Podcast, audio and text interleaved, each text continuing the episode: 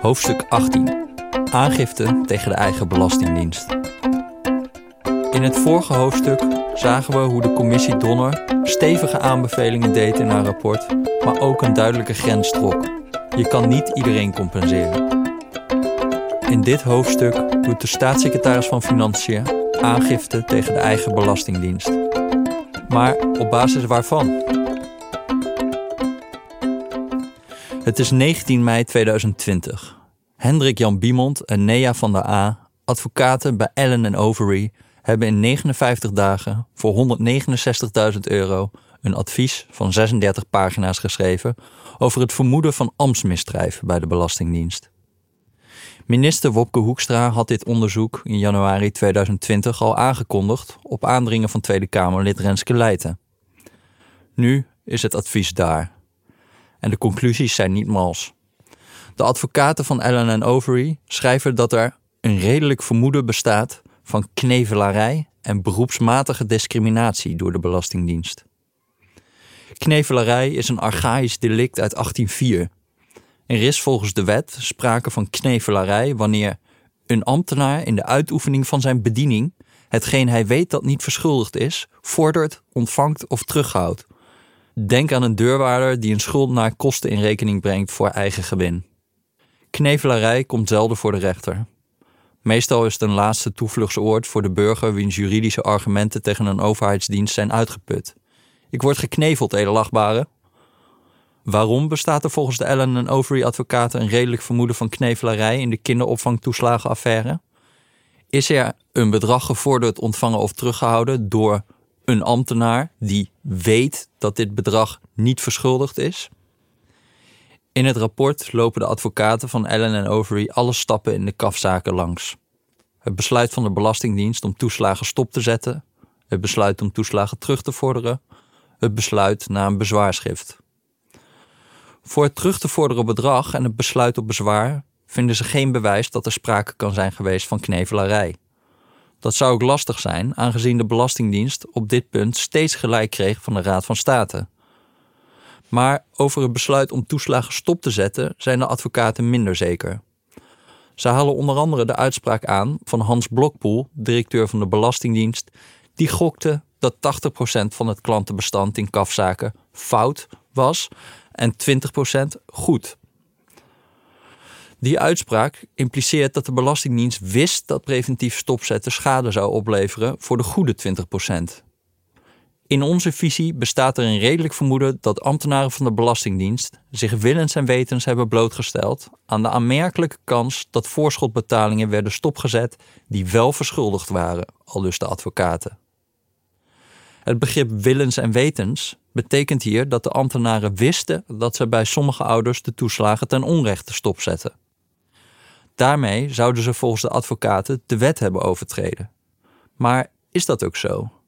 Staat het niet gewoon in de wet dat het opschorten van toeslagen is toegestaan indien er gereden twijfel bestaat over het recht op toeslagen? Wordt er in de wet niet al rekening gehouden met het feit dat een deel van de ouders achteraf gezien toch recht kan hebben op toeslagen? De Belastingdienst koos in 2014 voor een zeer ruime interpretatie van het juridische begrip gereden twijfel, waarbij voor de helft van de ouders in de zaak CAF 11, de advocaten schrijven hier ten onrechte alle vragenouders, de toeslagen preventief werden stopgezet. Pas in maart 2017 zou de Raad van State oordelen dat er onvoldoende juridische grond was om dit preventief en groepsgewijs te doen. In de jaren ervoor keurde geen enkele rechter die werkwijze af.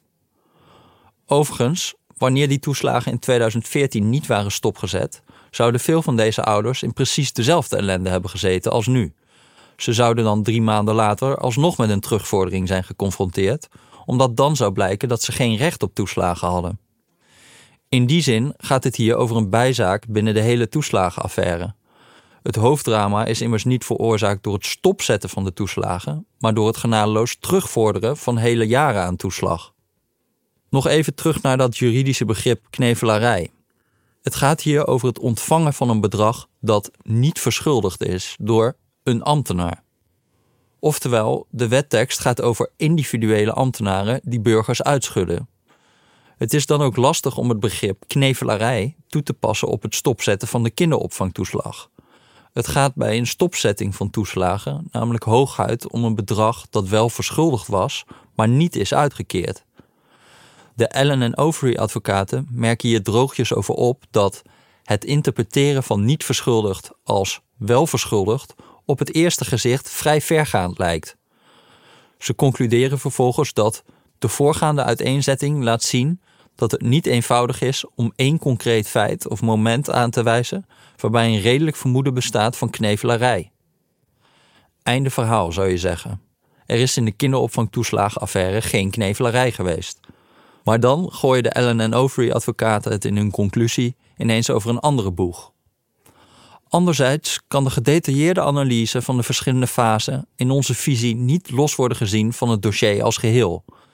Dit leidt tot het beeld dat burgers door toedoen van de Belastingdienst toeslagen aanzienlijk financieel nadeel hebben geleden.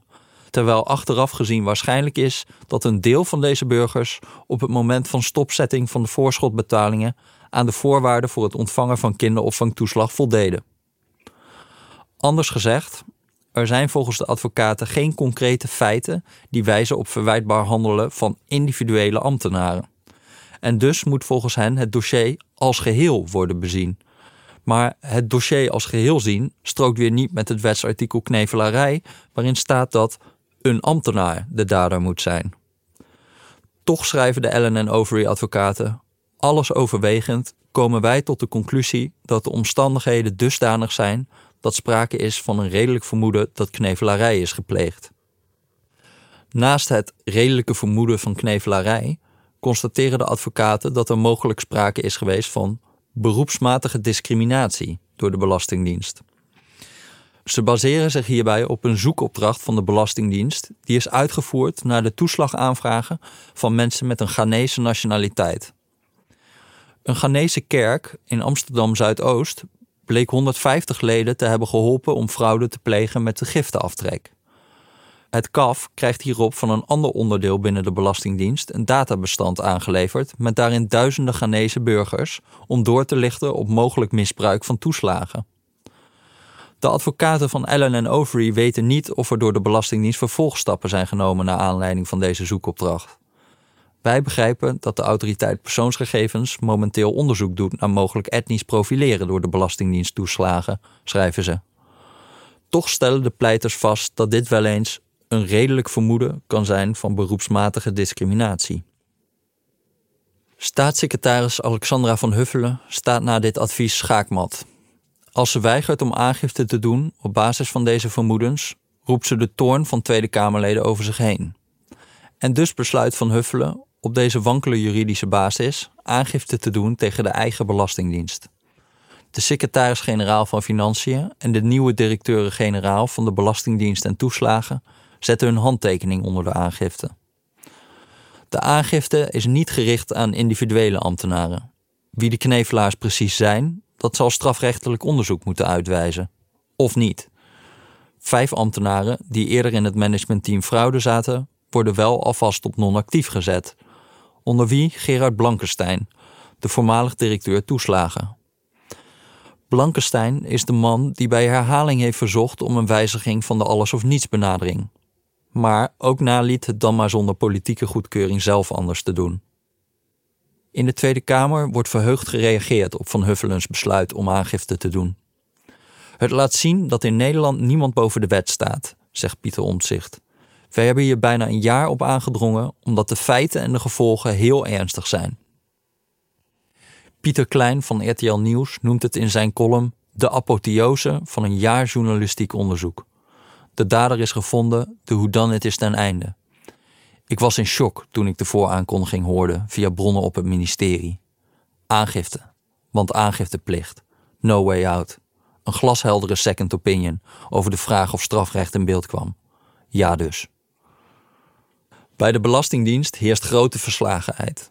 Alles waar men voor vreesde is nu gebeurd. Het eigen ministerie gooit de Belastingdienst voor de leeuwen.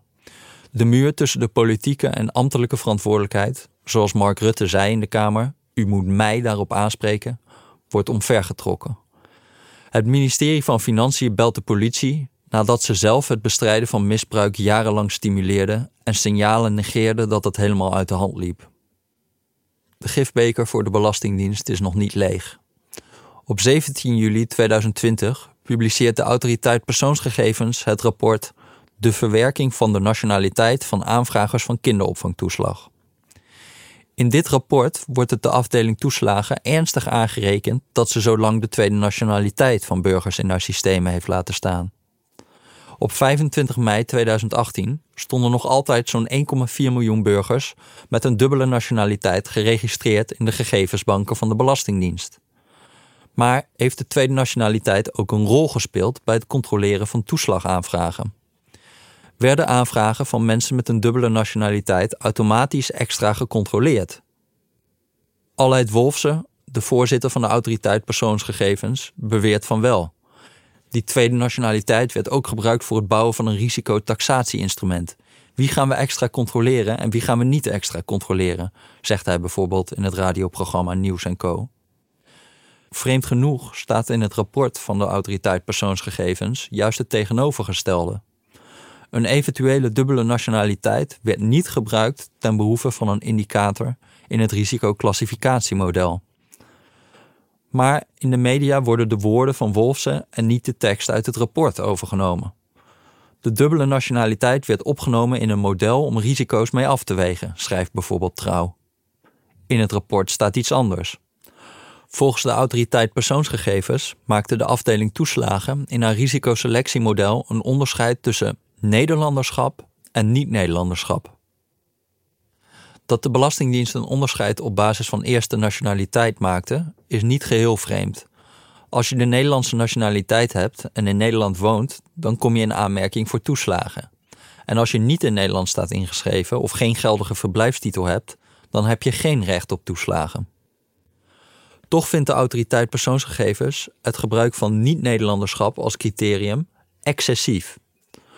De Belastingdienst had een subtieler onderscheid moeten maken, stelt het rapport. Een EU-burger die hier staat ingeschreven heeft wel degelijk recht op toeslagen. En ook een niet-EU-burger met een verblijfstitel heeft recht op toeslagen. Nu worden zij beide meegenomen onder het kopje niet-Nederlanderschap. Een discriminerende verwerking, oordeelt de autoriteit persoonsgegevens. En terecht. Niet toevallig hebben sommige Kamerleden in het verleden stevig aangedrongen op zo'n discriminerende verwerking. Pieter Omtzigt vroeg tijdens een Kamerdebat in december 2017, het debat waarin ook het rapport van de Nationale Ombudsman over CAF 11, de Dadim-zaak, voor het eerst werd besproken, of het niet mogelijk was om bij bepaalde landen het verlenen van toeslagen gewoon wat moeilijker te maken door wat meer controles uit te voeren. Hij riep in herinnering dat dit na de Bulgare-fraude-debatten was gedaan voor mensen uit Roemenië en Bulgarije. Maar, zo concludeerde hij, kennelijk functioneert dat nog onvoldoende. Tijdens de Bulgare-fraude was er in de Kamer ophef, juist omdat Nederlands geld in buitenlandse handen viel. Waarom ging er bij de Belastingdienst geen lampje branden, zo luidde het verwijt toen, als er grote groepen niet-Nederlanders toeslagen aanvroegen? Buitenlandse bendes uit het buitenland komen met bussen hier naartoe om de Nederlandse fiscus op te lichten, constateerde Ed Groot van de PvdA. Vlak na de Bulgare-fraude had Omtzigt in Kamervragen zelfs verzocht om overzichten van uitgekeerde toeslagen en toeslagschulden opgesplitst naar nationaliteit. De autoriteit persoonsgegevens rekent het de Belastingdienst nu ernstig aan dat hij precies zulke overzichten produceerde voor eigen gebruik. Er was geen concrete aanleiding voor, concludeert de autoriteit persoonsgegevens, en daarmee was het produceren van deze overzichten uiterst onbehoorlijk. Let wel, de autoriteit persoonsgegevens vindt geen bewijs dat de Belastingdienst naar aanleiding van die overzichten ooit een extra controle heeft uitgevoerd. Het hardste bewijs voor discriminatie op basis van nationaliteit vinden de onderzoekers, niet geheel verwonderlijk, als ze kijken naar de controle van de Belastingdienst op de toeslagaanvragen van Bulgaren begin 2014. Het databestand van Ghanese toeslagaanvragers, waarover de advocaten van Allen en Overy aan de bel trokken, werd door de Belastingdienst gebruikt voor een analyse op mogelijk misbruik. Was er bijvoorbeeld sprake van opvallend hoge opvanguren. Maar daaruit bleek al snel dat er niets aan de hand was. Met nadruk wil ik opmerken dat er geen duidelijke relatie is gevonden tussen mogelijk misbruik en de nationaliteit, schreef een KAF-medewerker in een mail aan zijn collega over deze zaak.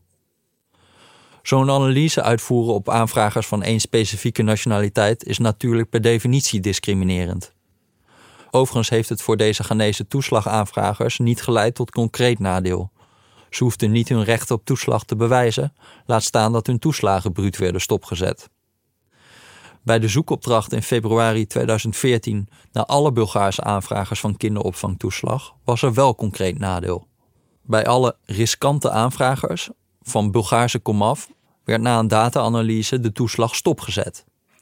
Ze ontvingen een brief om zich bij de balie te melden met bewijsstukken, waarop meer dan de helft niet reageerde.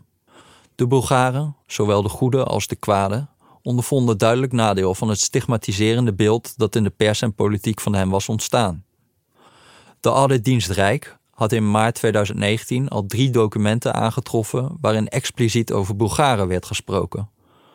Voor Bulgaren moeten sowieso boetes opgelegd worden, zo stond in juni 2013 te lezen in een verslag van het managementteam Toeslagen, het hoogste bestuursorgaan van de afdeling Toeslagen. En in een later verslag: er wordt geen uitstel van betaling verleend bij opgelegde boetes aan Bulgaren. Een lid van dit managementteam merkte toen nog op dat deze aanpak wel erg grof was. Sommige Bulgaren zouden waarschijnlijk helemaal geen boete verdienen. Bovendien zouden ze in aanmerking komen voor een betalingsregeling, omdat hun geen opzetgrove schuld kon worden verweten. Maar nee, het besluit van het managementteam bleef staan. De goede Bulgaren moesten lijden onder de kwade Bulgaren. Uitstel van betaling is alleen mogelijk bij gemotiveerde bezwaren, werd opgetekend in het verslag. Een half jaar later moest staatssecretaris Frans Wekers melden aan de Kamer dat 32 van de 32 Bulgaren gelijk hadden gekregen toen ze bezwaar maakten. Pieter Omtzigt snapte er tijdens het debat van 15 januari 2014 niets van. Het gebeurt nooit dat bezwaren tegen boetes in Nederland worden toegewezen, maar op alle 32 bezwaren van de Bulgaren hebben ze gelijk gekregen, zei hij. Wij willen heldere antwoorden. Er is onterecht geld betaald en bezwaar gemaakt. Op grond waarvan? Terug naar de harde beschuldigingen door de pers. Wat is nu waar van de aantijging dat de Belastingdienst discrimineerde op iemands tweede nationaliteit? Dat ouders eruit zijn gepikt puur en alleen omdat ze een migrantenachtergrond hadden. Eén ding klopt in ieder geval. In de duizenden pagina's aan intern mailverkeer van de Belastingdienst staan evident discriminerende opmerkingen. Het lijkt wel een nest Antillianen, mailt een medewerker bijvoorbeeld over een frauderend gastouderbureau waar veel Antilliaanse ouders klant zijn. Bovendien is het duidelijk dat het CAF lange tijd de eerste en tweede nationaliteit van ouders opvroeg in zijn standaard zoekopdrachten. Zelf zegt de Belastingdienst dat het CAF deze opvragingen deed omdat dit een aanwijzing kon zijn van de homogeniteit van de onderzoekspopulatie. Ervaring had uitgewezen dat betrokkenheid van burgers uit eenzelfde leefomgeving een indicatie kon zijn van georganiseerd misbruik van toeslagen. Bijvoorbeeld familiebanden, woonomgeving, nationaliteit. De autoriteit persoonsgegevens schrijft hierover.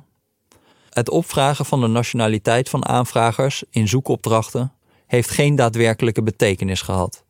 Hoewel het doel was om de mate van homogeniteit van de desbetreffende groep aanvragers te bepalen met het oog op mogelijk georganiseerd misbruik, bieden de queries en quickscans die door toeslagen zijn gebruikt en opgesteld geen enkele steun voor het standpunt dat de nationaliteit een relevant gegeven is bij de opsporing. Evenmin heeft de AP aantoonbare informatie dat dit ooit van waarde is geweest in het kader van fraudeonderzoek. Het is onduidelijk waarom de gegevens überhaupt werden opgevraagd als ze geen daadwerkelijke betekenis hadden. Uiteindelijk doet de autoriteit persoonsgegevens in haar rapport geen uitspraak over de gevolgen van het opvragen van die gegevens. Ze vindt, behalve bij de casus van de Bulgaarse toeslagaanvragers, geen aanwijzingen dat de beschikbaarheid van de gegevens bij de Belastingdienst daadwerkelijk tot een selectie op tweede nationaliteit heeft geleid. Ook in alle notulen van de overleggen over fraudeonderzoeken, die de autoriteit persoonsgegevens heeft ingezien, kwam ze niets over zo'n selectie tegen. Uit deze notulen is niet gebleken dat de nationaliteit van de aanvrager een factor is geweest bij het bepalen van gepaste vervolgstappen in de besproken onderzoeken, schrijft de autoriteit persoonsgegevens.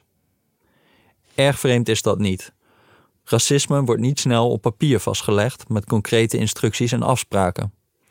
Ondertussen weet je nooit wat zich in de hoofden van de fraudespeurders heeft afgespeeld. Het is hoe dan ook onacceptabel dat de tweede nationaliteit nog steeds zichtbaar was in de gegevensbestanden. Aan de andere kant zou een inspecteur de registratie van de tweede nationaliteit werkelijk nodig hebben gehad om te zien dat mevrouw Yildiz en de heer Aslan een Turkse achtergrond hebben. Of om op het idee te komen dat een gastaudiobureau met een Turkse naam vermoedelijk veel Turkse klanten heeft. Waarom zijn de meeste gedupeerde ouders in het vizier van de afdeling toeslagen gekomen? Er is een verklaring die veel meer voor de hand ligt dan etnische profilering. De meeste ouders zaten nu eenmaal bij een gastouderbureau of kinderopvang waarvan de Belastingdienst vermoedde, en terecht, zo bleek meestal, dat er misbruik werd gemaakt van kinderopvangtoeslag.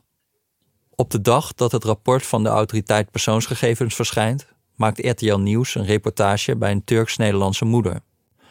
Ze blijkt etnisch te zijn geprofileerd vanwege haar tweede nationaliteit, stelt de reportage zonder voorbehoud. Deze moeder liet haar kinderen opvangen bij het voortvarend scheepje, een Rotterdamse kinderopvang die al langskwam in hoofdstuk 15. De directie van het voortvarend scheepje gebruikte het DigiD van ouders om veel te hoge toeslagen aan te vragen. Ouders van het voortvarend scheepje blijken geen eigen bijdrage te hebben betaald. Bij deze moeder is dat ook het geval, zo blijkt uit een eerder artikel van NRC Handelsblad. Ze had nog een advocaat in de arm genomen, maar die verloor iedere zaak tegen de Belastingdienst.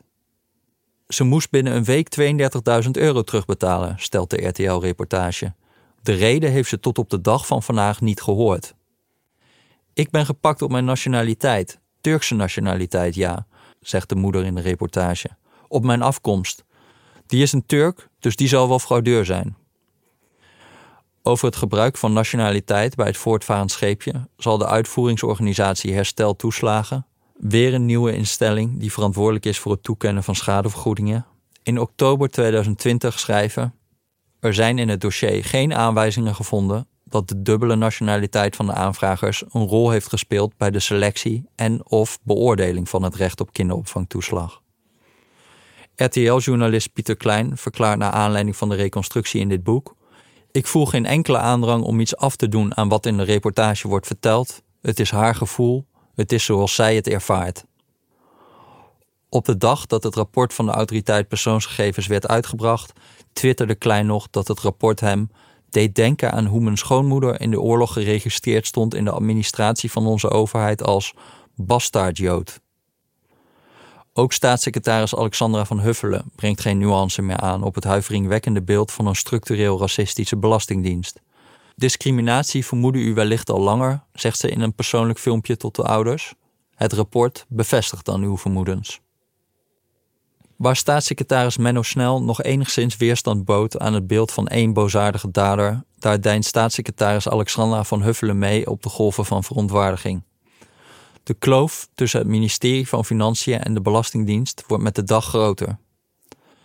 In november 2020 verschijnt de eerste tussentijdse rapportage van twee onafhankelijke vertrouwenspersonen bij de Belastingdienst. Deze externe vertrouwenspersonen zijn een half jaar eerder geïnstalleerd, zodat de Belastingdienstmedewerkers misstanden anoniem kunnen melden.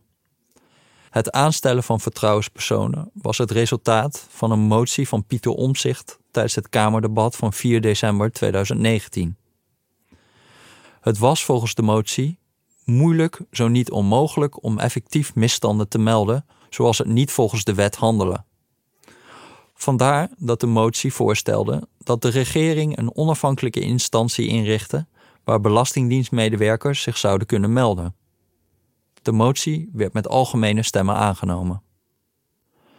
Uit de eerste tussentijdse rapportage van de vertrouwenspersonen uit november 2020 blijkt dat 44 medewerkers van de afdeling toeslagen zich hebben gemeld met misstanden.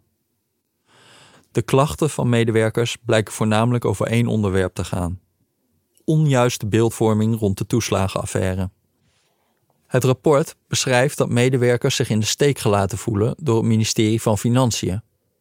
Zelfs voormalig directieleden van de Belastingdienst toeslagen zijn door het ministerie nooit in de gelegenheid gesteld hun verhaal te doen over de toekenning van de kinderopvangtoeslag. Medewerkers worden in de media afgeschilderd als racistische fraudejagers, terwijl ze, ongevraagd en bij herhaling aan het ministerie hebben proberen uit te leggen waarom dit bezijden de waarheid is. Als ze al om input worden gevraagd voor Kamerbrieven en antwoorden op Kamervragen, dan wordt hun boodschap door medewerkers van het ministerie van Financiën volgens hen hertaald naar politiek gewenste formuleringen. Het ministerie wijst dan met de vinger naar de afdeling toeslagen. Maar juist medewerkers van de afdeling toeslagen waarschuwden meermaals dat de wet ongemeen hard was. Nog het ministerie van Financiën, nog het ministerie van Sociale Zaken en Werkgelegenheid voelden zich geroepen daar iets mee te doen. Opeenvolgende bewindslieden verkondigden in Kamerdebatten plechtig dat de wet nu eenmaal hard was, zonder dat dit vervolgens een noemenswaardige respons uitlokte van Kamerleden. De door ons ontvangen signalen over de beeldvorming hebben wij geverifieerd door het raadplegen van documenten, mediaberichten, kamerstukken en door het voeren van gesprekken, schrijven de twee vertrouwenspersonen in hun rapportage aan de staatssecretaris. Ze constateren dat de gegeven signalen over een onjuiste beeldvorming niet van enige grond ontbloot zijn. En stellen verder.